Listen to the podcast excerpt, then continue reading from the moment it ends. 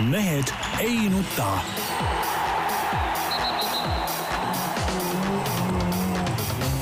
mehed ei nuta. selle eest, et mehed ei nutaks, kannab hoolt Unibet, mängijatelt mängijatele. tere teisipäeva, Mehed ei nuta traditsiooniliselt eetris, siin võimsas Delfi stuudios. Tarmo Paju, tervist, Delfi stuudio omanik Tervist. sisuliselt, jah, Peep Pahv Delfist ja Eesti Päevalehest, tervist. Jaan Martinson Delfist, Eesti Päevalehest ja igalt poolt äh, mujalt.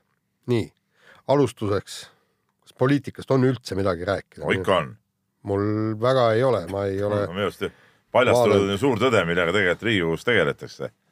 oot-oot-oot-oot, ma nüüd enne, kui sa hakkad ütlema, kas äh, sinu jaoks tõesti midagi tuli nagu üllatusena? ei tulnud, ei tulnud No, üllatusena. mis mõttes, mis mõttes on paljastunud? no selles suhtes, et noh äh,, avalikkuse silmis võib-olla. ka avalikkuse silmis ei ma ole olen siin nii terase pilguga, mina teadsin kogu aeg seda, et enamus mehed käivad seal lihtsalt puhkamas ja palka välja võtmas, aga nüüd Hardi Volmer ütles ära, et noh, ta on nüüd see mõned aastad töötanud ja ei ole veel nagu töökallale jõudnud nagu asudagi.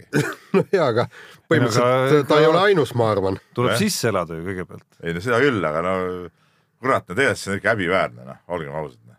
see on ikka häbiväärne. No- ei mind hämmastas kõige rohkem see, et, et, et, et siis, kui Tiina Kangro, kes ma usun ausalt öeldes nagu päriselt ka usun, on tegelikult ka üks kõige kõvemaid töötegijaid seal äh, Riigikogus, vähemalt selles valdkonnas, mida ta tunneb väga hästi, kogu see sotsiaal, kõik need sotsiaalteemad, on ta ju ikkagi nagu äärmiselt pädev. et, et siis justkui tuli, justkui leiti, et tema tegi veel kuidagimoodi liiga, kui ta siis tähelepanu juhtis sellele noh, sõna otseses mõttes ikkagi pohhuismile, mida Hardi Volmer, kelle muusika austaja ma alati olen olnud, ise tunnistas. no jaa, aga no siin ongi kogu küsimus selles, et, et kas meil on vaja sada üks tüüpi sinna ära majutada ja mahutada. tõesti, no kogu aeg on räägitud, et, et võtame siis viiskümmend üks aitab küll, no okei okay,, kuuskümmend üks, seitsekümmend üks. Aga ma arvan, et, et seal, et seal peaks olema sisuliselt igaüks, kes Riigikogus on, on kuskil mingis komisjonis, ajab mingit konkreetset asja. et sääraseid noh, logardeid ei tohiks me tõesti seal ikkagi sallida. jah, nii on, nii, ja sellega lõpetame poliitosa või? jah. no, on veel midagi, ei ole ju.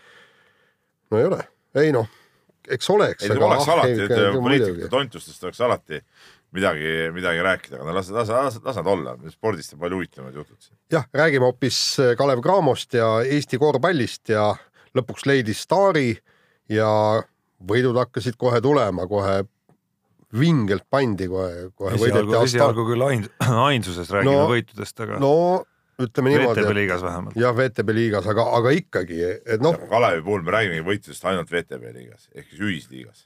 jah, aga no midagi ei ole öelda, see uus ameeriklane on päris tragisell ja, ja noh, Peep, teine teema on muidugi see, et, et Eesti mehed istuvad pingil, meie suured staarid, ajal, kui võ- võõramaalased siin korve viskavad. no üt- ütleme nii, et ma natuke tahaks Jaan sinu tuure ja võib-olla üldse siin fännide tuure ka natuke maha tõmmata, et noh, tegi küll eh, Ameerika uus täiendus eh, vägeva soorituse esimeses mängus, aga noh, ega nüüd päris eh, pilvedesse ka minna ei maksa, et, et laseme nüüd natuke mehel mängida ja vaatame, kuidas ta nagu pikemas jooksus eh, siin hakkama saab ja, ja kuidas ta meeskonna kohaneb, aga selge see, et potentsiaali on seal eh, rohkem kui, kui küllalt, et selle vastu on, on nagu võimatu vaielda no juba paberil tundub see, tundub ta ikkagi mees, kellel on potentsiaali olla täpselt see liider, mida Kalev on vajanud endale kogu aeg, et kui sa, kui sa mõtled või vaatad tema eelmiste aastate tegemisi, ülikooli pooleli jätmist, NBA draftis enda proovimist, NBA seal ütleme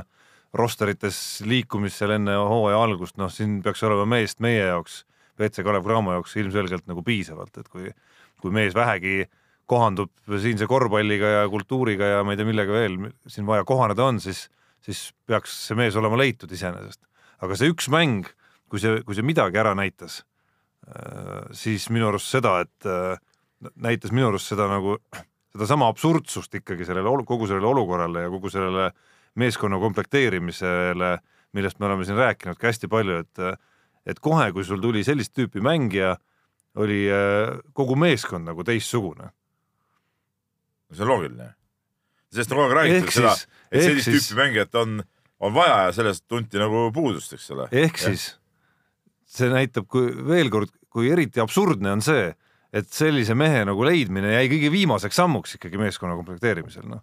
sellega ma olen nõus, muidugi see oli absurdne et, viga. et isegi kui see kõik äh, nagu päädib väga õnnelikult, mees on võib-olla võib-olla veel parem, kui isegi, kui isegi äh, esimeses mängus näha saime ja, ja kui need ootused on noh, siis reaalselt ikkagi nagu nii-öelda mingid asjad on mingi kuu aega nagu raisatud ikkagi juba noh, võib-olla, rohkem isegi. miks kuigi rong, nagu- kuigi rong ei ole läinud iseenesest tabeli järgi. ei tabeli järgi pole midagi läinud, me põhimõtteliselt kaheksandal kohal, eks viimasel play-off'i kohal on sama palju võitu ju Kalevil praegu, et seal ühe võidu peal on, on terve posuvõistkond ja, ja mängida on veel oi-oi kui palju. et selles suhtes pole muidugi midagi hullu, aga, aga miks ma olen natuke ettevaatlik ikkagi, et ei maksa unustada, et, et see esimene mäng oli ikkagi ka suhteliselt eh, noh, ütleme keskpärase vastase vastu, et, et tahaks näha, kuidas see mees mängib ikkagi ka siukeste võistkondade vastu, kus on reaalselt tugev kaitsevastas, et kuidas ta seal suudab hakkama saada noh, see on nagu, see on nagu minu jaoks nagu, nagu palju huvitavam ja palju, palju suurem näitaja, et see mingi Astana vastu, mis, mis mängis ikkagi suhteliselt tontlikku korvpalli. noh, see ei ole veel nagu eriline näitaja muidugi. noh, ta ei ole kord,, et, ta ei ole päris mingi, liigutustest on, on näha, et loomulikult tal on seda potentsiaali ja kõike, aga küsimus ongi selles, et kuidas ta, kuidas ta siin eh, suudab kohaneda ja kohaneda just ka selle eluoluga ja kuidas ta oma nii-öelda peakeses asjad, asjad suudab nagu külmaks jätta, et, et kogu see muu, muu elu, mis esimest korda nii-öelda kodult eh, välja saades noorele mehele võib pähe lüüa ja, ja mujale ka lüüa, eks ole, et, et see, et see segama ei hakka. mehed, mul on teile just see küsimus, et juba, juba siin vaikselt spekuleeriti, et millal nüüd see ameeriklane Kalevist ära läheb, sellepärast et eh, kui ta osutub ikka tõesti väga heaks mängijaks, siis o- on tal päkad tules üsna varsti. kas, kas, mis leping üldse no, tal on? Kalevil on seekord tehtud vist suhteliselt hea leping, ma saan aru. kõigepealt on kuuajaline katseaeg, eks ole, ja siis on vist pärast see väljaostusumma on ka päris, päris okei okay vist. noh, nii on, nii on klubi juhid igatahes kinnitanud, et aga noh, ma ei tea, ma ei ruttaks ette siin nende üleostmiste ja ei, asjadega, et võtame nüüd rahulikult. Jaani, Jaani häda ongi see, et Jaan hakkab, läheb alati hurraa, hurraaga kaasa. ei, ma ei lähe kuskile hurraaga kaasa. Ma tahan, ma tahan seda teada, kas meil Kalev ka ükskord valmistub öö, nii-öelda hooaja lõpuni mängima tugevate heade meestega, seal ju räägitakse, kes see tsenter, keda juba ka vaikselt ära niiliti. ei ole noh, keegi, noh, keegi ei ole tahtnud ära, ära tõmmata, et see on lihtsalt eh, noh, sihuke. aga meil on tavaliselt no aga tavaliselt ikka lähevad hooaja pealt ära ja siis noh, see näitabki jällegi kogu selle süsteemi tontlikkust. No ei noh, väga palju on läinud, et mis, mis nagu rohkem no ütleme, see minu arust hetkel on teisejärguline, et las, las ta siis mängib mõned mängud tõesti ära ja, ja siis on näha, kuigi potentsiaali oli silmnähtavalt näha juba selle esimese mängu järgi ja ma olen täiesti kindel, et Kalev Cramo jaoks on temas meest nagu küll ja rohkem veel, ma, ma isiklikult väga ei kahtleks selles üldse.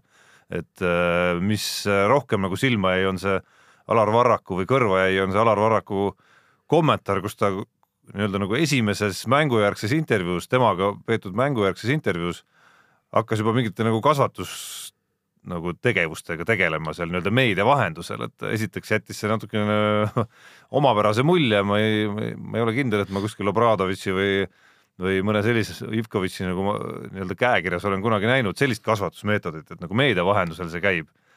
aga noh, no see on selles suhtes, et ega ta nagunii seda eestikeelset ajakirjandust ei loe, et see nagu ei puutu asjasse, pigem Varrak püüdis juba siukseid üldsuse ootusi selle jutuga natuke alla tõmmata, et see on nagu mõistetav, selles no suhtes ma saan tast aru, tänapäeval äh, ma nüüd selles suhtes ma saan tast aru, et, et, et tulekski võtta nagu rahulikumalt, ei maksa mingisse, ma ütlesin juba alguses ka, et ei maksa mingisse eufooriasse veel minna. nii, kuule, Kalevist veel, räägi sellest, et kas äh, Eesti nii-öelda veteranmängijatest on veel mängumehi või mitte, Kangurist ja Arbetist, et viimases mängus, nagu ma sain aru, istuti pingil. Istuti pingil ja ütleme, hooaja algus ei ole kummalegi mehele nagu midagi eriti head toonud, okei okay,, Arbeti puhul on see võib-olla isegi natuke mõistetavam, need eh, järjestikused vigastused, noh sisuliselt poolteist hooaega on olnud äh, mängust väljas ja, ja see võtab aega, kuuldavasti. Mees pidi kõvasti tööd tegema enda kallal, et ikkagi tagasi saada kõik individuaaltrennid, viskemasinaga käib viskamas ja jõusaal eriprogrammid ja, ja asjad, et, et et võib-olla seal isegi on nagu seda, seda lootust rohkem tagasitulekuks, aga, aga Kristjan Kanguri puhul noh, ega tal otseselt ju midagi häda ei ole, eks ole, et, et, et võiks saada mängida küll ja hooaja esimesed mängud seal, seal Champions League'is mängisid ja seal oli Kangur ju, ju päris hea, aga, aga mida hooaeg nüüd edasi, seda, seda kuidagi kesisemaks on ta jäänud ja tegelikult, tegelikult kui vaadata ka tema eelmise aasta mänge äh, Itaalias, ega siis seal ka ju midagi äh,, midagi üllatavat või mingisugust meeletut äh, vägevat ei olnud, okei okay,, seal mõned mängud olid, kus ta lõpus seal oma kolmestega äh, asju otsustas, aga need olid ikkagi ju üksikud visked, et ega tema siuksed keskmised näitajad olidki äh, noh, suht, suht äh, tavalised või, või nadid, et, et, äh, et selles suhtes, et ega ei saagi oodata ja Alar Varrak tänases lehes ütles ka õigesti, et, et ega me ei saagi oodata, et Kangur teeks mingit kahekümne punkti mänge, et, et need ootused ongi tema kohta liiga suured võib-olla. tegemist kolme viieaastase mehega juba.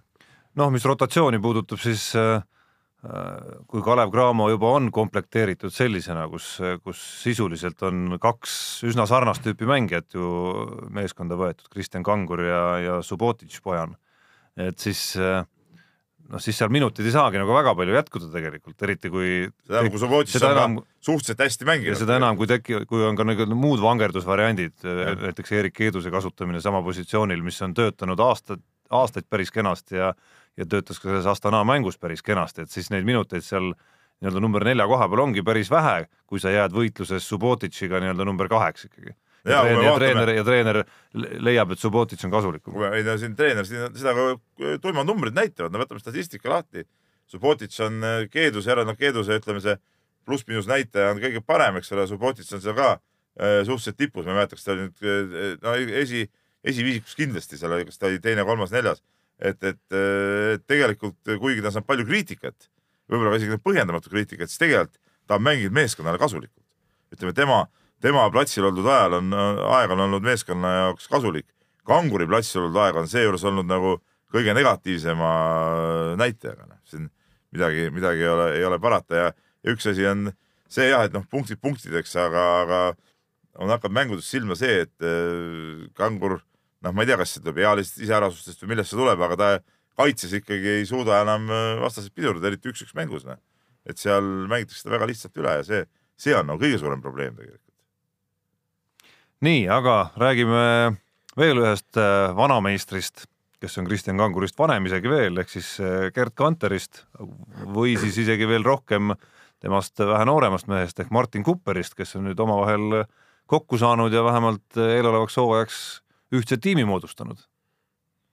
jah, et tegelikult noh, see oligi see, et Kupper mingit muutust vajas, seal oli nagu näha, et see eelmine hooaeg oli nii ebaõnnestunud ja, ja, ja probleeme oli palju ja oli ju kaugel näha, et tema ja Aleksander Tammerti, tema treeneri vaheline see koostöö, keemia ja, ja arusaam üksteisest, et see, need ei ole sel tasemel, mis, mis lubakski võib-olla head eh, tulemust teha, et selles suhtes muutus oli, oli tarvilik ja ega Eestis on väga raske kettaheitjal eh, mingeid muid variante leida, kui, kui siis eh, panna nii-öelda leivad ühte kappi Kanteriga, et, et Kanter saab endale hea treeningupartneri ja, ja Kupper saab siis nii-öelda võib-olla nagu mentori moodi moodi mehe kõrvale, pluss siis eh, läbi selle ka Indrek Tustiti treeninguplaanid, nii et no vaatame, mis välja toob endast. jah, aga, aga see on jällegi, ega, ega Kupper ei ole poisike, kuigi noh, tal on aega minna küll ja veel, eks, et aga, aga nüüd eksperimenteerida, kas Indrek Tustit on pädev treen, treener või ei ole või ma ei tea, või, või, või äkki Kanter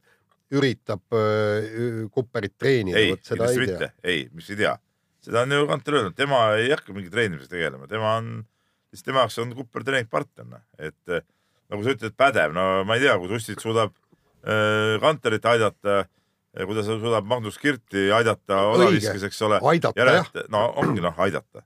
aga sellel tasemel juba, ega seal ei olegi vaja, et keegi sul nüüd pitsaga seljas istuks noh, ei tea, Kanter selles samas vanuses ja nende samade meetritega ta oli ikka Haftensoni käealune ja, ja töötas ikkagi tõsiste tre, treeneri tõsiste plaanide järgi. ma arvan, mina arvan küll, et ega äh, raske on öelda või ette heita, et Tussit ei, ei oleks nagu, nagu hea mees ja ei saaks hakkama, et minu arust nende aastate jooksul ta on, on selle kettaheite endale ka päris selgeks saanud, mulle tundub.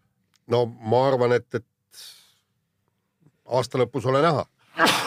noh, üks, mida mida. aasta lõpus pole midagi näha. ei no ma, ma mõtlengi järgmise aasta lõpus. no kindlasti on üks asi, milles, milles Kupper ja vabandust, milles Kanter ja Tustid siis saavad väga hästi abiks olla Kupperile, et ma saan aru, et suur probleem Kupperi jaoks on olnud see nii-öelda oskus ka pidurit tõmmata ja, ja, ja treeningutel nagu aru saada, millal loobuda millegi tegemisest ja millal, millal teha ikkagi midagi, et see tahtmine pärast väikest nagu niisugust eduelamust, mida ta, mida ta ju korra sai, eks ole, on ju selline, mis paneb ju kohe niimoodi, et noh, nüüd natukene veel ja siis natukene veel ja siis ma olen juba maailma parim, on ju. ja Gerd Kanter on ju tegelikult samad rajad käinud läbi, läbi oma karjäärist. tema teab, kuidas peab neid pidurid tõmbama ja ta on, ta on ja selles ja, ja juba noh, viimased oma karjääri kõik ütleme pluss kolmkümmend aastat on ta ju tegelenud ka sellesama asjaga tegelikult. samas üks väike küsimus seal kõik on, et, et kui me teame äh, Kanterit kui ääretult äh, sündsat, soliidset ja, ja niisugune rahumeelset äh, härrasmeest, siis ütleme niimoodi, et, et Kupper on natukene teist teed käia, et noh, ütleme niimoodi, et pitsi ta ei sülita, nagu ma olen kuulnud. teine asi on ka see, et, et ta on noh, nagu noh, natukene omamoodi mees, hõljub kuskil teises maailmas, aga tele, telefoni teel teda eriti kätte ei saa ja ja, ja, ja, ja kõik muud niisugused asjad, et, et huvitav, kuidas ta nii-öelda vaimselt sinna tiimi klapib. nojah, aga midagi proovima pidi ja, ja selge see, et, et Eestis, ma ütlen veel kord, ei olnud ka mingit muud varianti väga võtta. keda veel siis? ainus võimalus no. kellel on üldse see teadmine, kuidas äh, nii. ega miks sa pead Eestist kõrgel... võtma, me, me. ei, ei, Eesti mees tegeleb Eesti meestega, nii, et, et kust võtta seda teadmist üldse, kuidas nii kõrgel tasemel tegutseda, Ant Kanteril ja, ja Tusitil on see olemas.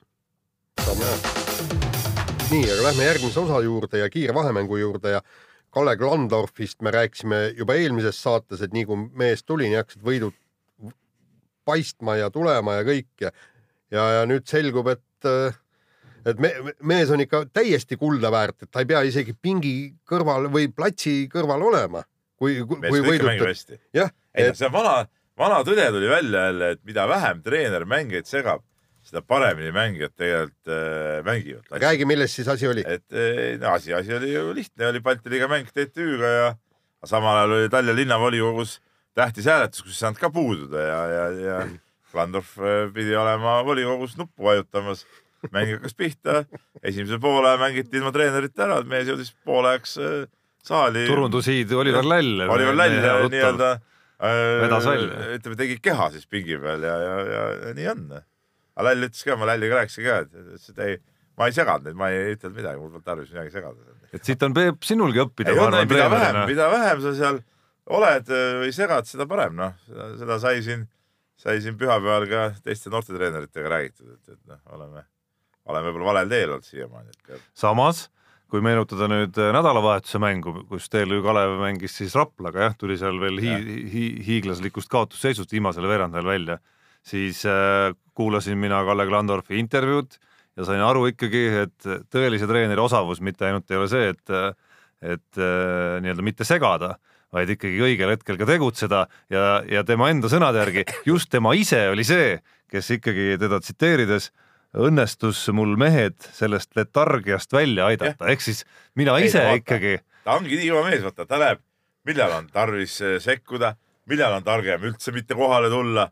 ta nägi eelmises trennis juba ära seal näiteks, et ah, no seal vennad panevad poole juba minuti ära, ei ole probleemi, eks ole. järgmine mäng nägi jälle, et ahaa, võib-olla poole, esimese poole vaataski, et jah, ei hakka väga sekkuma. asi läks rappa, siis, siis eh, viimase veeranda eel tõusis püsti, eks ole, raputas mehed eh, nii-öelda lahti ja kohe, mis seal oli, kolmkümmend neli, seitse või mis see viimane periood jäi ja, ja võit käes. noh, ei selles suhtes, et ikkagi võimas, ma leian, et, ma, aru, ma leian, et Kalle Klandorf peaks ikkagi, ikkagi vaatama siin juba nagu, nagu kõrgemale ja kaugemale, et, et kas siin, ma ei tea, kas koondis või, või Euroliiga või tühja siin Tallinna valitsuses jamada, noh, et siin nagu ütleme, kui sellised äh, võimed on olemas, et no siis see on nagu raiskamine. et, et, et üle... tegeleda kommunaalprobleemidega kui võiks nagu olla nagu korvpalliplatsil ikka jumalus täiesti. see oli, see oli huvitav mäng või see huvitav mängujärgne olukord, kus siis oli üks treener, kes äh, tunnistas, et mina kui treener tegelikult kaotasin selle mängu ja siis oli teine treener, kes. mina kui treener võitsin selle. aga nii ongi ju, kõik need alla, alla, ütleme seal viie, alla viie ja viiepunnised võidud kaotasid, treener kaotasid, treeneri võidud, no mis mängijad, mängijad ei ole puutu asjasse nii, aga me jääme korvpalli juurde, korvpall on kuidagi eelmisel nädalal andnud palju ainust, ainest. Äh, räägime helgemast poolest veel, meil ei ole mitte ainult andekad treenerid, vaid, äh, vaid meil on ka väga andekaid noori korvpallureid. antud juhul räägime siis viieteistkümne aastasest Anna-Gret Asist, kes debüteeris ähm, Euroopa meistrivõistluste valikturniiri mängus siis Eesti naiste korvpallikoondise särgis. mängus, kus äh, Türgi vastu ettearvatult Eestil küll mingit varianti ei olnud, aga seesama viieteistkümne aastane Tartu korvpallineiu, olgem ausad, oli ikka üks väga sümpaatne ilmutus seal väljakul. oli sümpaatne, kolm punkti, neli söötu ja ma ei tea, kas kaks vahetlõiget. kaks vahetlõiget, jah et noh, paar pallikaotust. ja noh, kogu see olek, ütleme isegi oli see, mis see, oli see, väga sümpaatne. et, et ütleme seal noh, see naiskond on üldse praegu sihuke huvitavas faasis, et seal on mõned vanad mängijad, noh, kes tegid oma rolli ilusti ära tegelikult. Erika Anderson, noh, Mailis Pokk ei ole küll vana mängija, aga no ütleme, kogenud mängija, mängib kõrgel tasemel. siis on hunnik mingeid noori või siukseid, kes on üldse nagu vähe koondise peal mänginud. no seal kusjuures päris noori proovis... on ikka vähe võitu, ega seal neid päris noori, nüüd alla kahekümneseid nüüd väga palju ka ei ole. Äh, kaks olid selliseid ja üks oli veel mingi kahekümnene vist. aga, aga ütleme väike, väikeste kogemustega ja siis Janne Rits peatreener proovis seal ühte, teist ja kolmandat. no ütleme, mõned kukkusid ansamblist täiesti välja, et seal ei sobinud nagu üldse. aga, aga just Anna-Grete Asi oli jah sihuke, kes nagu kohe sobitus hästi sinna ja, ja, ja, ja ma lihtsalt oma peaga mõtlesin kõrvalt vaadates, et noh, et et teda tegelikult äh, platsile pannes siis nagu midagi nagu halvemaks ei lähe, et seda nagu treener võib, võib julgelt panna ja, ja sai oma minutid seal kätte, et no see ei tähenda muidugi seda, et nüüd, et, et viieteistaastane tüdruk alati mängiks niimoodi, aga, aga, aga sümpaatne igal juhul just, just oluline, et ta mängis tugeva vastasega nagu nii enesekindlalt, see oli nagu hea. noh, tore. et see on tore jah nii, aga äh, veel korvpallijuttu oh,. viimane, viimane punkt, ma ei tea, Jaan, sina oled see menüü vist kokku pannud. ei ole, see, see esimest ja. korda Tarmo pani täielikult. ahah, sa eile ei viitsinud midagi teha, nagu alati. ajas mulle mingisugust, äh, mingisugust jahu välja, kuidas tal on palju tööd õhtul ja ma ei tea, mida veel. oli tal midagi või? tal ei olnud midagi. ahah. no.. magas jalad laua peal seal äh, toimetuse nurgas, kui ma ära läksin. nii, aga Lähme edasi, Alar Varrak. et järgmine kord, Jaan, sa tead, kui hakkad äh, nihverdama kõrvale teemade kokkupanekust, siis, on meil saade korvpalli täis lihtsalt. no jaa, aga no siis ma saangi siin vaikselt tukku lasta ja. ja no jama on küll selles, et äh, see nüüd on vist viimane hetk tänases saates. kirjade rubriik siiski tuleb ka okay.. et aga Alar Varrak siis ütles pärast Astana võitmist ühisliigas, et kõige paremat nõu andis võitmiseks peaminister Jüri Ratas see on siis neile, kes ei ole, kes ei ole Kalle Klandorf, neile annab siis Ratas. jah, no miks mitte, vaata Keskerakonna pink korvpalli mõistes on ikka väga pikk, midagi pole ütelda. ja aga kuidas äh, seda nõu anti, kas keegi täpsustaks ka või? no ta ise ei täpsustanud miskipärast. et see jäigi nagu hea, aga no jupp siis, no Ratas ikkagi vana korvpallurina. no ma sain aru, et see ei olnud taktikaline küsimus, vaid see oli mingisugune muu küsimus ikkagi seal, ma ei tea, kas see võib-olla ka kuidagi. siit ei peaks tõmbama jooni. vaata Keskerakonna. pingil istusid, kuule. äkki siin ongi väike, väike vihje, et Ratas ka vaatas, et, et kurat, need mehed on nagu kehvad olnud, et, et tead, Alar poiss, tee nii aga oota, tähendab, kuidas see süsteem siis käib, tähendab, nagu ma nüüd saan aru, et enne mängu läheb siis äh, Varak läheb peaministri juurde, istub maha ja no, arutavad läbi asjad. no ka, kas nüüd arutavad, tema kuulab? peaminister ja, ongi ja, Eesti peaminister Ja tema on see, kes kõiki kus, asju otsustab. kus viga näed laita, tule ja aita, aita.. absoluutselt. Yeah.. ja see on loogiline, peaminister aitab ka meie esindusmeeskonna peatreeneril nagu ütleme, õiget kurssi leida, et selles mõttes on kõik hästi.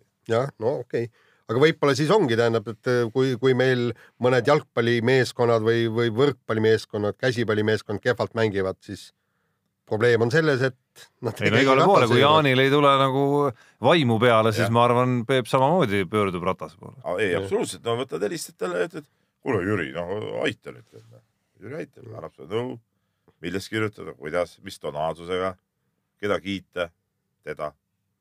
nii tuleb. okei okay., nõus. nii, aga nüüd lõpuks, lõpuks jõuame ka teise spordialani ehk siis jalgpallini ja Viktor Levada. just nimelt teise alani jah.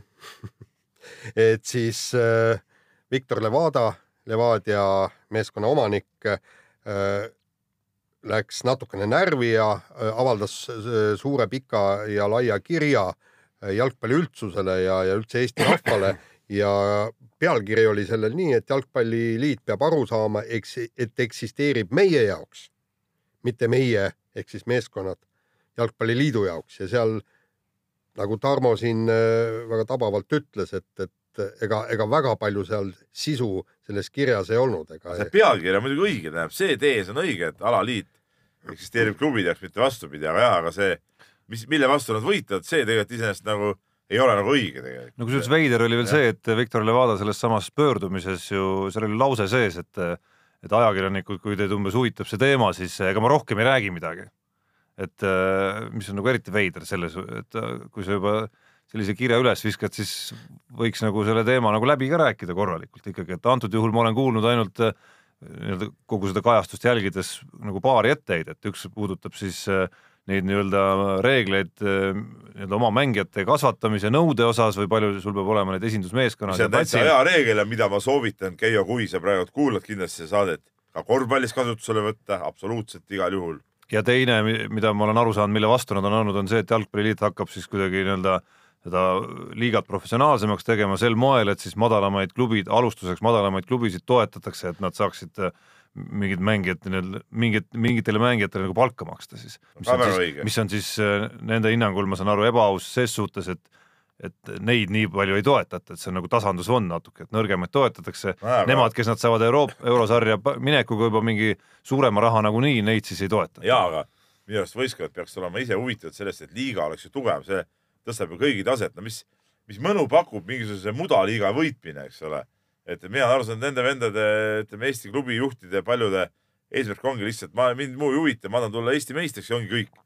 no aga võidad mingisuguse amatööride vahel, no mis, mis see annab, aga kui liiga oleks tugev ja vot siis võidad, vot see on alles magus asi, selle peale peaks mõtlema ja ja kogu jalgpalli ka sihuke üldine foon muutuks sellest paremaks, kui liiga on tugevam.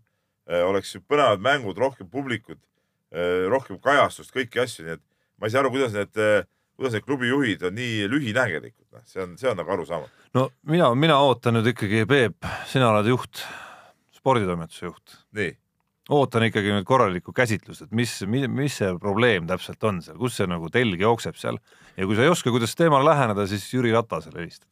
ja aga no meil aga... see, Madis ju, Kalvet ju käsitles seda probleemi no tegelikult. tä- tähendab, minu jaoks on see probleem üld, üldse arusaamatu, et, et na, Levada rääkis, et nad kogunesid siis tähendab Nõmme Kalju ja siis FCI meeskonna öö, omanikud, juhid tulid kokku, arutasid, et kuidas siit nüüd edasi ta,, ta-ta-ta, huvitav.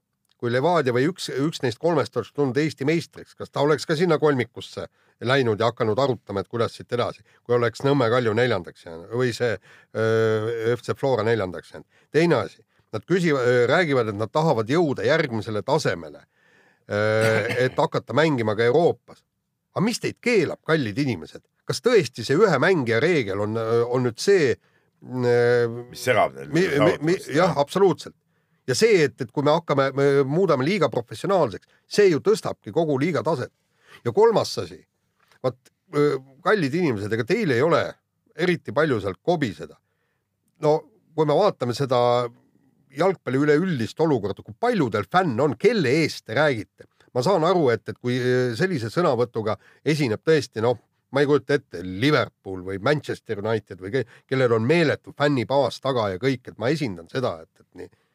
aga, aga siin on mingisugune käputäis huvilisi, me ju näeme oma portaalist, kuivõrd palju ja suurt huvi tuntakse tegelikult selle Eesti jalgpalli vastu. väga ei tunta. ja, ja, ja nüüd, kui Pohlak üritab midagigi teha, seda tõesti Eesti jalgpalli järgmisele tasemele viia, siis, siis, siis me ei ole sellega nõus, me räägime, et, et me tuleme kolm meeskonda äh, tuleb Eesti meistrivõistlustelt ära, nagu seal kirjas oli, et üks võimalus oli ju niisugune, et jätame alles ainult noorte meeskonnad. kas see on siis Eesti jalgpalli arendamine? ei ole, ei, see on õigus, õigus.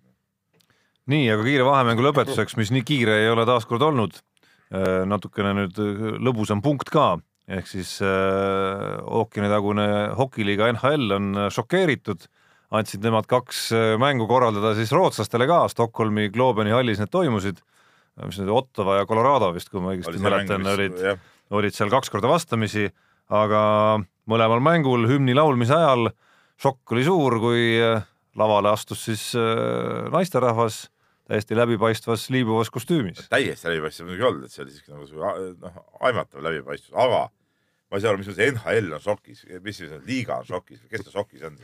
ei, kõik on šokis, kõik absoluutselt, tähendab, mis kuradi jama see on, ma ütlen, mis te tõesti arvate, et meestele ei meeldinud see, ma ise vaatasin seda videot, väga viis pluss, väga viis pluss ja nii peabki esinema, tead, siukses riietus, see on normaalne ju.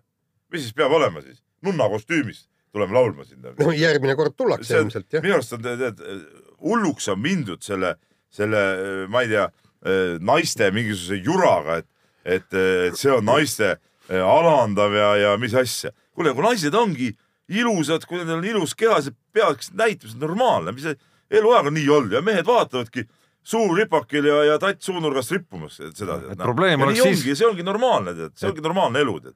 ärge ajage mingit joga kogu aeg. et probleem oleks siis, kui mõni Peebusugune tuleks sinna liibuvalt. See oleks õudne. see oleks perversne. see oleks perversne lihtsalt. et viis aastat tagasi ta oleks küll vastu vaielnud, öelnud, et see oleks ka väga äge, aga mida Ei. Ikka see oleks, see oleks nagu rõve. realism on saabunud mehe pähe aga. kui kena naine tuleb sinna, laulab äh, pool läbipaistvaks kleidis ja see on viis pluss ja nii peabki olema ja rohkem sellist asja tahame saada, rohkem. see on selge. sellega on punkt.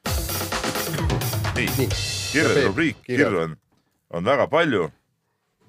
men.delfi.ee tuletan siis Jaa. meelde ja meie Facebooki leht on koht. ja me hakkame, hakkame kõigepealt sellest pihta, sellest kehakujust. Indrek kirjutab meile, tere mehed, tavaliselt ikka kuulan teie saateid, aga viimati sattusin vaatama ja mida ma näen. Peep polegi enam kõige turskem selg kolmikust. Jaan on ümmargune nagu pall.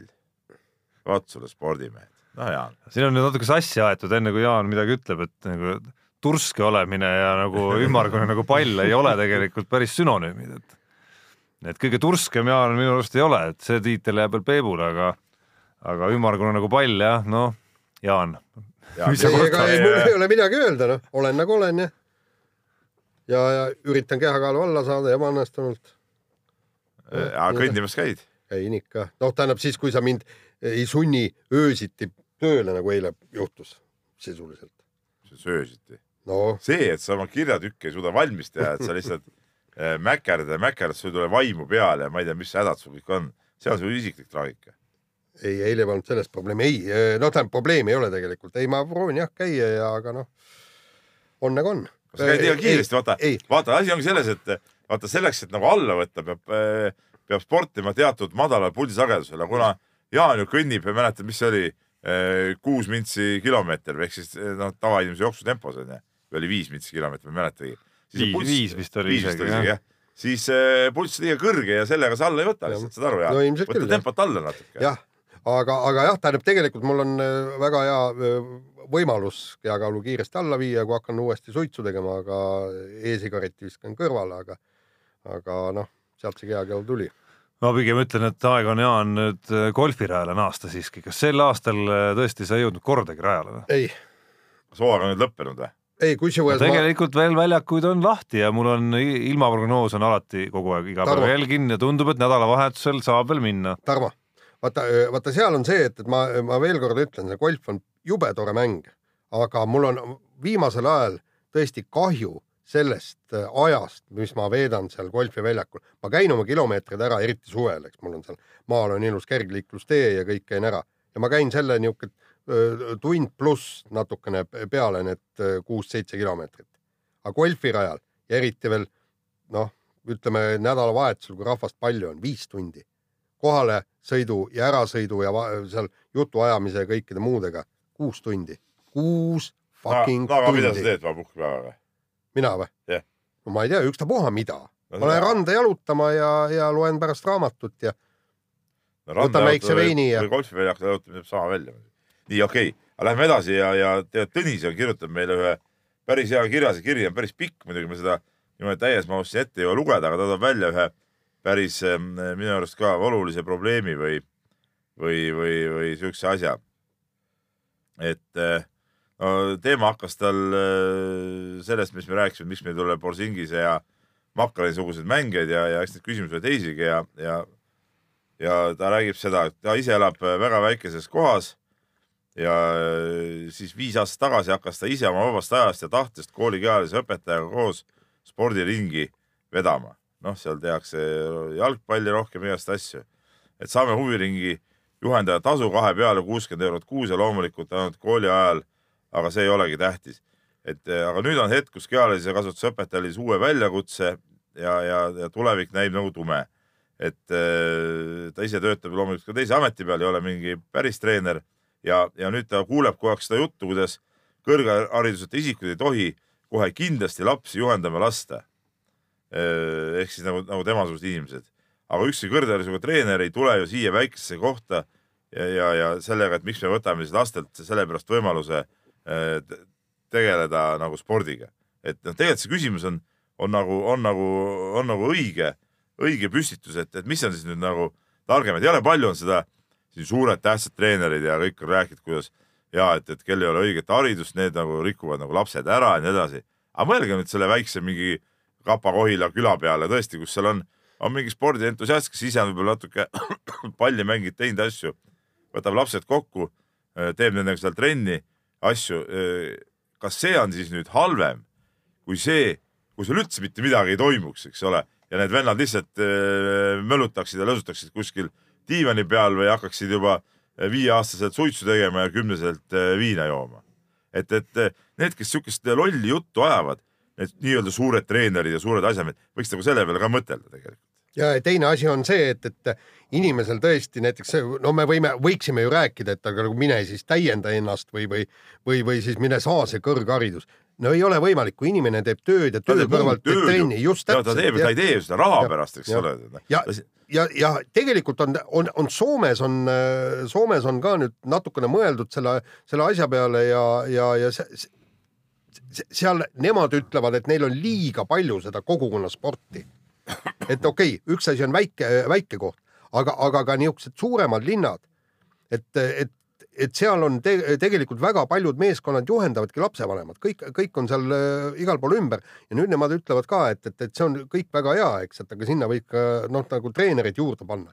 Vot me, meil on jällegi see, et, et meil ei ole seda kogukonnasporti. Peep, sa, sa töötad selle korvpallimeeskonnaga, kui palju lapsevanemaid sul abiks, abiks käib tegelikult? no, no transpordil aitavad vahest, aga see on ka kindlad üksikud lapsevanemad, kes, kes käivad, et, et eks see, eks see nii ongi. ja aga, aga tegelikult, kui ma, ma olen ju seal Soome klubide juures äh, käinud ja, ja seal, seal on ikkagi niimoodi, et üks ema peseb kõikide mäng, mängijate äh, vormid ära, eks, teine teeb äh, reisile kaasa võileivad, kolmas on seal nii-öelda käteräti poiss on treener pingi taga, kes ulatab, et no ma olen näinud ju, kui me mängime ka turniire ja asju, kuidas eriti just Soomest jah, ongi see hea näide, Soomest tulevad need võistkonnad, seal on neid lapsevanemaid alati hunnikus kaasas. seal on võistkonna juures alati mingid vabatahtlikuna need, kes tõesti aitavad poisse seal ja, ja see on, see on täitsa tavaline, meil Eestis see, see on äh, välistatud. et, et No. need asjad nii nagu ei käi ja, ja, kuidagi nagu ei ole Eestis selle joone peale saadud, mitte välistatud, mitte no mitte et ma ikka- ei tahaks, et see nii mõttes, et oleks, aga nii sa oled lihtsalt isegi ju on. laps, sa oled isegi hiilgav näide, lapsevanem, kes äh, ikkagi nagu väga palju võttis enda ja, peale. jaa, aga noh, see, aga see on üksik. see on nagu teine, teine asi. ei no ma näen Arukülas, noh, ma näen kahte asja. A, ma näen seda, et kui päris palju ja see ei puuduta sporti ainult, vaid ka mingeid muid huviringe, kus väga palju sellest, et mingid asjad nagu juhtuksid üldse, et mingid ringid võib-olla tekiksid ja ja mingid tegevused tekiksid lastele, see seisab päris paljugi selliste nagu üksikute nagu nii-öelda noh, heas mõttes nagu hullude peal, kes on nagu keskmisest aktiivsemad ja ja noh, enamasti võib-olla ajendatud ka sellest, et neil on endal lapsed ja ja et pakuks mingisuguseid võimalusi veel ja veel ja tekitaks mingit selle variandi ja selle variandi, et et väga palju asju tegelikult juhtub ikkagi ma näen nagu oma kogukonna pealt selle pealt, et on sellised üksikud inimesed nagu olemas. ja, aga ma, probleem ongi see, et, et on üksikud, aga seda massi peaks olema rohkem. ja, ja ka nendes väikses kohas, tõesti, ma saan aru, et, et see, kes kirja kirjutas, et tema pea, veab nüüd nagu üksinda seda võistkonda või võib-olla seal on keegi ka kõrval. mingi spordiringi ja, põhimõtteliselt. jah, aga, aga, aga kui tal oleks teisi lapsevanemaid, kui nad veaksid kolme-nelja-viiekesi, ei no jaa, aga küsimus on ka selles, et nagu seda nagu, nagu ei peeta nagu jälle heaks, noh, seesama, et, et noh, ta, et ta on nagu mingi suvaline mees, eks ole, et ta nagu sellega tegeleb. noh, et see nagu ei ole nagu, nagu okei et see, see minu arust on nagu vale suhtumine. Nii, aga võtame siit veel edasi. kirjutab meile Peeter ja sina ka seesama, see Makareni ja Borsingise teema on, on siin ka niimoodi ajendiks olnud ja tegelikult see on teema, millest me oleme ka rääkinud ja ta ütleb niimoodi, et, et miks meie akadeemiad ei suudaks kasutada Makaroni sarnast staari, et ta ütleb, et loomulikult mitte, kuna meie korvpallisüsteemis eksisteerib selline kollektiiv nagu Audentes. et olen ise korvpalli mänginud ja, ja, ja noh, ta ütleb, et korvpallis Pahv võib ka kinnitada seda, et mis sisemine tunne on mängijal, kes teab, et läheb saama pidevalt pakki, et suvatunne, et kuidas siis saab midagi näidata, kui sul on suva, et mismoodi motiveerib Indrek Visnapuu oma mängijad, et kas poisid kaotaks täna kahekümnega, saate šokolaadi või prooviks kaks minutit mitte lasta vastase korvi visata. ei tea, aga selline meeskond on mõttetus. et kui midagi tahaksime, võiks näiteks panna rahade televisiooni taha ülikoolide omavalitsus, omavahelistele madinatele, et sealt peaks võib-olla rohkem midagi tulema. ei no see jutu mõte, me oleme ka varem rääkinud, jutu mõte on õige ja see hooaeg on see eriti äh, valus võib-olla see Audentese komplekteeritus, et, et noh, selle koosseisuga on nagu väga raske näha, et neil oleks mingigi võimalus äh, võidu peale mängida. noh, mingid poisid on eest ära läinud, mingid poisid on Jah. siin hooaja algul veel vigastatud olnud seal äh, praeguses nii-öelda eel- eeldatavad liidrid on juba ju. tagasi, aga, aga eks sellest ikka abi on vähe. et noh, et see ongi, see võistkond ei ole ka võitnud ju, mis see oli siis kolm aastat tagasi viimati võitsid ühe mängu või? et noh, selles suhtes see, see, see ei ole hea variant, just, just sellepärast ma, ma ei pea seda heaks variandiks, et see võistkond on konkurentsivõimetu sellisel kujul. ja ma arvan, et ka selles vanuses seal on ka mõned siuksed mängijad, no hea näide on ju, ja võtame sama see, see Soodla, eks ole, kes läks Kalevisse, noh, ta oli veel ju seal Audenteses ühe aasta vist kauem kui pidi. noh, kas ta seal arenes nüüd äh, mängumeheks, kvaliteetmängumeheks, noh, julgen väita, et mitte, noh. vaadake, ta isegi füüsiliselt ei saanud seal korda selle ajaga, noh. rääkimata siin mängulistest asjadest, et nad ei arene seal niimoodi omaette, omas mahlas küpsed. Peep, aga et selles mõttes jah, Ei jõua selles mõttes nagu nii-öelda nende Tartu Okei. noorte seis on kindlasti nagu soodsam või see keskkond on soodsam, absoluutselt. kes on seal praegu nii-öelda taltside ja sokkudega koos. ja vot sellised, Ja vot, vot oleks seal. Audentes Kalev Cramo osa või Kalev Cramo Audentes selge link seal mehed liiguks, vot siis ma saan sellest asjast nagu aru. aga sellisel kujul ma ei saa sellest aru.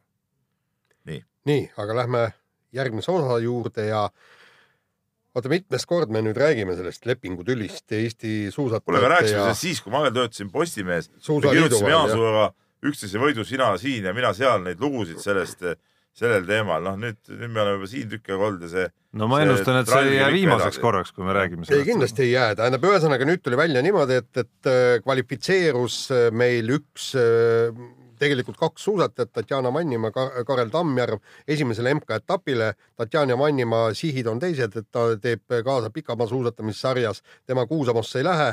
Karel Tammjärv äh, saaks minna, aga Eesti Suusaliit teda põllale nii-öelda ei luba, sellepärast et on sõlmimata leping Eesti Suusaliiduga ja Karel Tammjärv ehk äh, ta- äh, Tiim Haanja liige teatas, et tema ega teised äh, tiimhaanjalased ei kavatsegi sellisele lepingule alla kirjutada ja Aivar Rehemaa tõi siis ära need mitmed põhjused, üks oli siis see, et, et äh, ta ei, ei taheta anda äh, oma s- vormil logosid nii-öelda teistele aladele, noh, nagu ta sealt ütles, et, et mäesuusatajad saavad poole hinnaga laevapileteid tänu sellele, et, et, et meie kanname nende vormi, nende logo ja, ja seal oli veel nagu mitmeid punkte, ütles, et, et nad ei taha ka, et, et seal lepingus on kirjas, et nad peavad sisuliselt finantseerima, tiim Haanja peab finantseerima kõik, kogu Määrde tiimi. noh, vähemalt nii, nii Rehemaa mulle väitis ja, ja praegu on punnseis, ühesõnaga äh, tänase seisuga Eesti meessuusatajad MK-le ei stardi, sellepärast et äh, Tiim Haanja välised vennad ei vea välja, nad ei suuda äh, ei, seda Jaan, taset olgem näidata. nüüd ausad, ka Tiim Haanja enda vennad ei vea välja, see, et Karel Tammjärv üksi kvalifitseerus, kuule, see level ei olnud nüüd küll mingi hüper-super kõrge. no suusaliit levelit natukene no no, tõstis, ma saan aru. kuuekümne viis punkti Aga- ikkagi. Jaan olgem ausad, see level ei ole nii kõrge ja kui need vennad ei suuda seda ületada, millest me üldse räägime, mis, mis, mis koondisest või, või, või mingist, mingist jutust, tead, minu arust tuleks teha restart, täielik restart, lõpetame ära, olümpiale ei saada kedagi, MM-il ei saada kedagi. kogu see vana, las vanad mehed sõidavad maratonisarja, kui tahavad või, või, või mida iganes. hakkame otsast pihta, kes nüüd juunioride koondisest tulevad, saavad, võtame mingi vanusepiiri või ma ei tea, näiteks kakskümmend viis aastat ja nooremad, vot sealt hakkame rääkima. Et hakkame uute vendadega tegema, no sellest ei tule midagi välja nagunii. no ei seal no aga võib, seal nagu on ju nooremaid vendi siis no ka. no on küll, aga, aga nad, nad ei, ei vea, noh. aga vanad ju ka ei vea, Jaan, sa nägid Jah, ju ise. ei nägin. vea ju, no Ei, mis siis teha ei, ma, Peep. no mis siis teha, no kui ei tule enam välja, siis ei Peep, tule ma, ma olen sinuga nõus. üks, üks punkt siin on, olümpial tuleb ära käia, sellepärast et olümpial osalemine toob Suusaliidule raha sisse ja, ja just nende juunioride koondise jaoks aga mingu selle noortega sinna olümpiale. ei, nad ei saa, nad ei kvalifitseeru, selleks sa pead oma, oma vastavat, vastavat taset näitama. Nad, nad ei vea välja, nad ei saa võistelda äh, MK-sarjas, need noored, see on punkt üks. punkt kaks, Peebukene, meil ei ole juuniore. ei, ma tean, hakkame ka alt tulema, noh. just, siis me saame seda rasva koguda aastaid, et kui need nagu, need, ma ei tea, kes praegu on mingid A-klassi poisid või tüdrukud, B-klassi omad, kui need saavad päris suurteks, siis meil on juba puhvrit, meil on vahendeid äh, neid teenindada, aidata ja teha, ongi kõik noh. no meil ei ole ju mõtet, Jaan, no, no saad aru. ei saan aru, ma olen sinuga, Peep, nõus. selle, selle asja nagu äh, kurbloolisus ongi ju selles, et äh, kui me räägime konkreetselt sellest pinnast, mille üle nad vaidlevad, et nad vaidlevad oma võistlusvormil mingisuguse ruumi üle, millel nagu turunduslikus mõttes mul on tunne, arvestades nende taset noh., ei ole enam mingit väärtust isegi, vahet Ei ei, ole. ole, mis seal peal on. ei, aga no, no sa ei saa sponsorilt pappi, kui sa, kui sa kuhugigi ja, ja ma saan aru, aga seda, seda totram tundub see nagu meeletu nagu järeleandmatus nendes küsimustes. et kuidas on võimalik, et nad ei saa kokkuleppele? Need ei ole nagu nii hinnalised pinnad üldse ju. no, no vot ei saa noh ja tähendab, vaata, praegu on näiteks eh, Suusaliit ka järeleandmise ei tee. Need mehed starti ei lähe, ühesõnaga ja, ja, ja ta ju ei saa ka oma reklaami panna selle suusataja rinna peale, sest olümpiamängudel on reklaamid ka keelatud. ühesõnaga praegu me veame, Suusaliit veab ka nagu nii-öelda vägikaigas, absoluutselt. et, et kuidagi tuleb kompromissile jõuda, aga ma muide eile ka rääkisin või te, tegelikult ma olen siin suusatajatega palju rääkinud ja nad on väga kriitilised just äh, nende praeguste noorte treenerite kohta, mitte kõigi, aga, aga valdava enamusele, kes ei viitsi, ei taha, ei oska äh, treenida tippsportlaseks suusatajaid. ja, ja eile just äh, ütlesingi meie Suusaliidu presidendile, ütlesin, et pärast olümpiat võtke need kuus, kaheksa, kümme potentsiaalset noort ja tehke tõsine korralik tiim, kes töötab professionaalselt. võtke kogu see kamp, sõitke Austriasse, Ramsausse, üürige maja, õppige e-õppel, seal on kogu aeg olemas lund, käige seal võistlustel Euroopas, eks, ja, ja, ja proovige jõuda kuhugi, aga nii, et see on sama jutt, mis ma sulle rääkisin praegu. jah, ei, aga seal on see, sina, ma räägin, see ühine tiim ja Eestist ära. Kas Eestist ära, kas ei, aga lund ei ole ju Eestis, Ei no- Peebukene. talvel küll, aga su, kevadel, suvel saab ju Otepääl ka ei treenida., suve, siis oledki, aga, no aga muidugi. talvel oled ära. ei no talvel muidugi lund ei ole, loomulikult pead ära minema, no sa ei saa ju. aga ei saa sa ei ju saa ju rullsuusatades ju. ei no aga, aga nad rullsuusatavad praegu No jah. sellest ma räägingi, et lõpetame selle täiskasvanute koondise jura ära ja selle vähese raha suuname kõik sellele noortele ja hakkame nendega otsast pihta, noh. Sest et need vanad nagunii enam kuhugi ei jõua, noh. just, aga ma räägin, et tuleb luua tiim. Jah. nii, no koondis, mitte tiim. Koondis, jah. koondis, koondis. konkreetne koondis, vot nii, aga nüüd peame tõstma tempot päris olulisel määral, kui äh, tahame mitte püstitada uut saate ajaloo äh, pikkuse rekordit. Austraalia ralli on tulekul, rallihooaeg saab läbi ja Ott Tänak on lubanud, et olukorras, kus äh, üldkokkuvõttes top kolm kohta on kindel, saab sõita nagu vanasti kombeks oli. ma ei No taha ma ei väga- taha nagu mõelda, mida see tähendab. ma tahan küll mõelda, ma tahaks nagu nautida seda, kui mees sõidab nii nagu vanasti kombeks oli. no kuidas vanasti kui kombeks oli vanasti, siis kui? no vanasti? ehk siis Ja kellel? äh, pedaal läbi põhja, noh. ja auto on siis, kus äh, pärast seda no finišist. kui hästi läheb, siis finišis., kuidas on, eks ole, kas käsi kullas või seesamune mullas, noh. ega see ongi, sa lähed äh, riski peale välja, seal tuleb riskipiiril sõita ja väga vägev, kui, kui me suudaks seda siis nagu puhtalt lõpuni ka tulla, siis oleks ta eriti kõva noh. selles kusjuures, mõttes on eriti hea olukord, et äh, sisuliselt on ju kõikidel meestel sama seis. okei okay,, Neville ja Tänak on seal teine või kolmas, eks ole, mingid õhkõrnad variandid on veel alles, aga suures plaanis see ei ole üldse nagu noh, noh, mingisugune nii suur asi on ju, mille pärast nüüd äh, ma arvan, Neville seal väga väristama hakkab, et et selles mõttes võib nagu vägev ralli tulla. ja no muidugi. Citroeni äh, juht juba ütles oma sõitjatele, et mehed, võtke rohkem riske, minge pange, eks. Toyota ütles ka, et nad tahavad selle. Chris Miigile ütled, et mine võta riske ja pane, siis see ju ei, sõidab kõik kurvisse sirgeks, tead noh, okei. no ta ühe korra siiski tuli ka võitjana finišisse kaks korda. või kaks Jah. isegi näed, jah, Toyota ütles ju samamoodi, et lähevad võitu noppima, kindlasti, no ma läbi arvan, et parkla. läbi parkla jah. jah, ma siiski arvan, et, et Ott Tänakul tõesti mi- mitte nii väga neid punkte hakata seal lugema Neuvilliga vähemalt eh, esialgu, tõmbab nii palju, kui torust tuleb. täpselt ja. üritada võita see ralli ära, eks noh, ja ja see on viimase ralli võit, see annab ju järgmiseks hooajaks ka nagu siukse hea, hea starditunde nagu noh. ja, ja absoluutselt, see on nagu psühholoogiliselt on see väga oluline. nii, aga võtame kiiresti, ülikiiresti lõppu siia ka selle osa lõppu võrkpalli teema ja äh, võrkpalliliit peab siis jätkuvalt läbirääkimisi äh, Georgi Gretuga, kes siis äh, kas jätkaks Eesti koondise peatreenerina, aga Gretul on, on üks selge nõudmine, ta tahab, et loodaks siis B-koondis. aga ma olen aru saanud nii kuluaari juttudest, et siin on nagu kaalukausil on see, et kas noh, naised välja saata või B-koondis ja no mina leian, et tuleks naised loomulikult välja saata, sest meie ja. naiste tase ilmselt on äh, ka päris viisakas, ütleme, saate naised ka mingit Euroopa liigat või asja mängima, meil on äh, naisi palju, kes mängivad praegu välisklubides ja saaks, saab kokku täitsa soliidse koondise, et, et tegelikult äh, see oleks nagu nonsenss, kui naiste arvelt see B-koondis loodaks. jah, no olekski jah, et selles mõttes ma arvan, et ka Gretu ei mõtle seda, et see peaks naiste arvelt toimuma, vaid et see toimub nii-öelda siiski kuidagi nagu need mõlemad saavad juhtuma.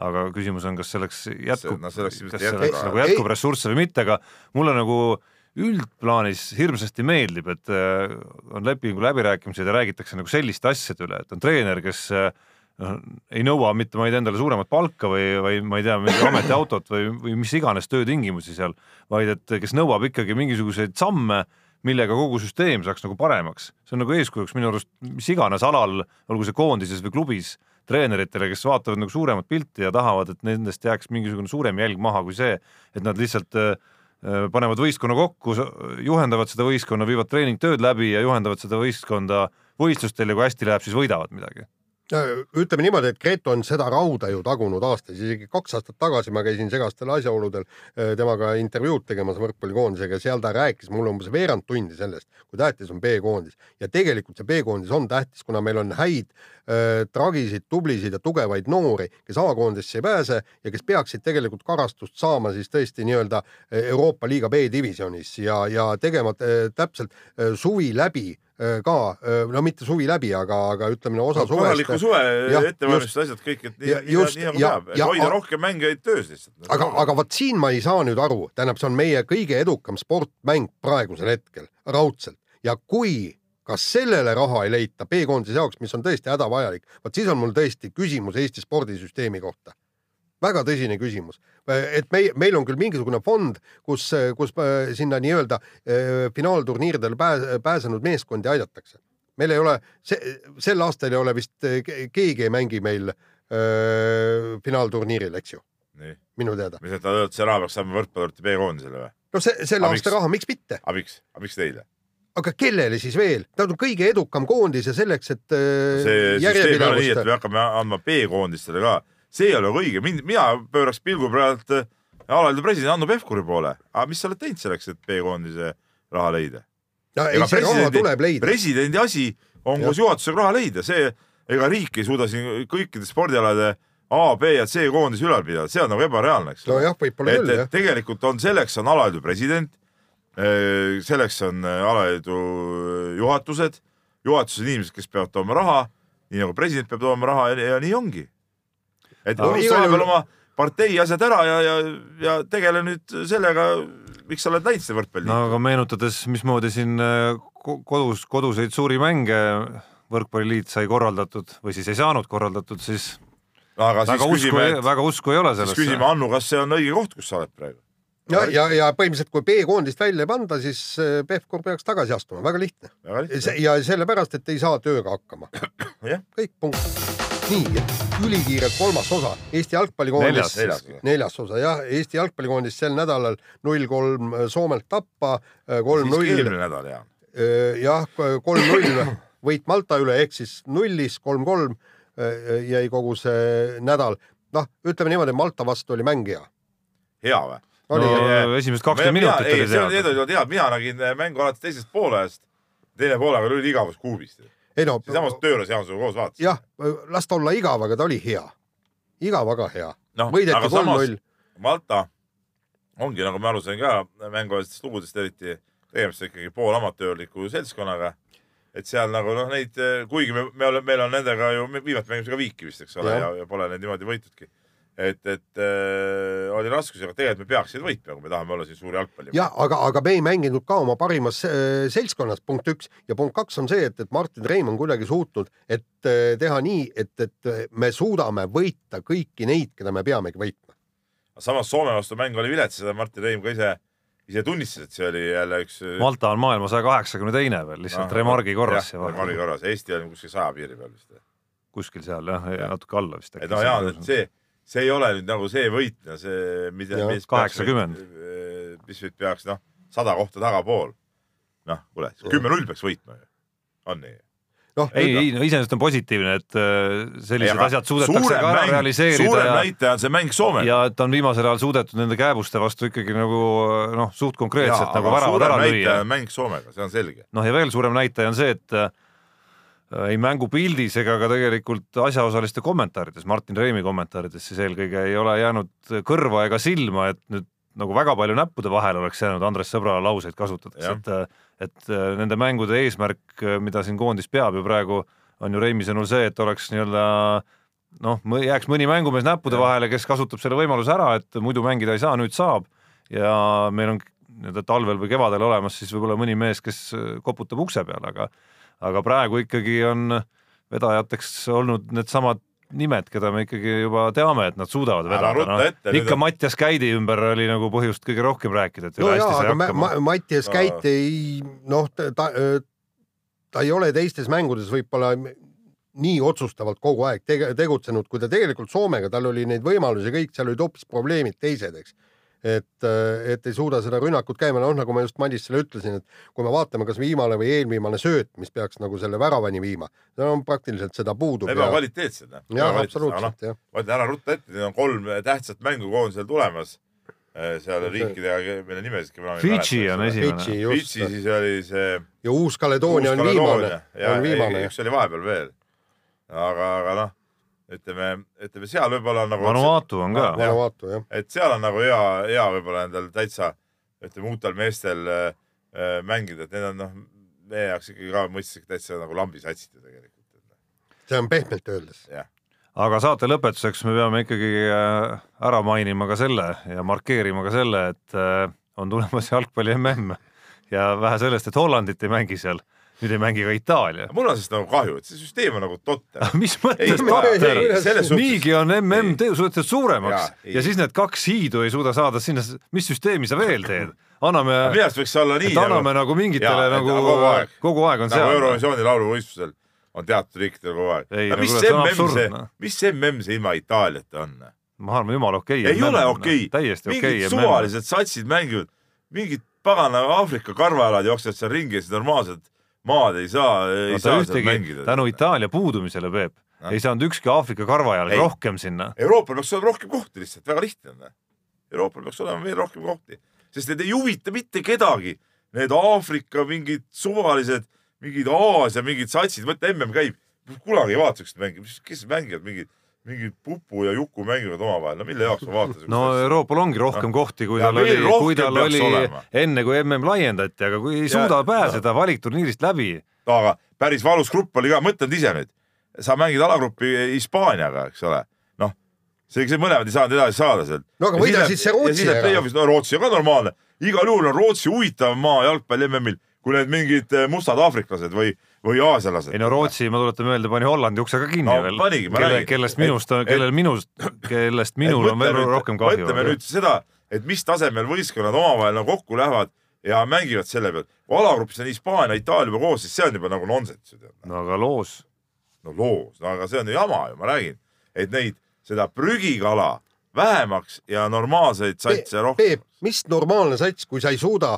Euroopast MM-ile saada järelikult. ma räägin sul sulle veel pole kord, taset. ei ole taha, see, No see on Jaan, see on ju nii loll jutt, kui üldse ei no see on täpselt nagu sa ütlesid, et, et miks meie suusatajad no MK-le sa,. sa võrdled praegu näppu selle sammusega, ei ole päris nii. no aga võida siis Rootsi ära, kui sa tahad. MM-il äh, mängida, võida siis Rootsi ära, Rootsi vääris ka seda kohta. No ütleme, kui Rootsi oleks eemale jäänud, siis sa ei räägiks siin praegu, et Zlatan ei mängi ju. et oleks tulnud Rootsile pukkida koht Ei seal tule. nagu ära ei. tule, ei tule, no ta ei mängi ju koondise eest. aa, ma saan aru, et MM-ile võib tulla või? ei, no on see lõplik või? no vähemalt. no ei no vaatame ta, vaatame ta comeback'i klubi tasemel enne ära muidugi. aga okei okay,, see selleks, ei mul on muidugi Itaalia, kokkuvõttes ma olen alati olnud Itaalia austaja, võib-olla seepärast ma ka võtan seda niimoodi, et mul oli kahju muidugi. no mõttetu kaitsemäng, pane, pargivad jälle bussi. jalgpall ongi betoon, betoon ja veel kord betoon. väravad, jalgpall tähendab väravaid. ma siiski juhin tähelepanu, et itaallased on äh, ajaloos ka rünnata osanud päris hästi siiski, isegi, isegi kaitseaegadel jah, muidugi. on nad päris Aga kõvasti kõik- nõelanud aga, kõik mängud hakkavadki ikkagi kaitsest ja kõik pallimängud hakkavad kaitsest ära unustada. aga noh, Aga mingu mingu ja harjutagu vahepeal. nii, sellega on meie saade lõppenud, uut rekordit vist ei tulnud. ei tulnud jah, aga, aga ei, ei saa nüüd küll aru, kuhu see aeg kaob. nii et kuulake meid nädala pärast. Mehed ei nuta.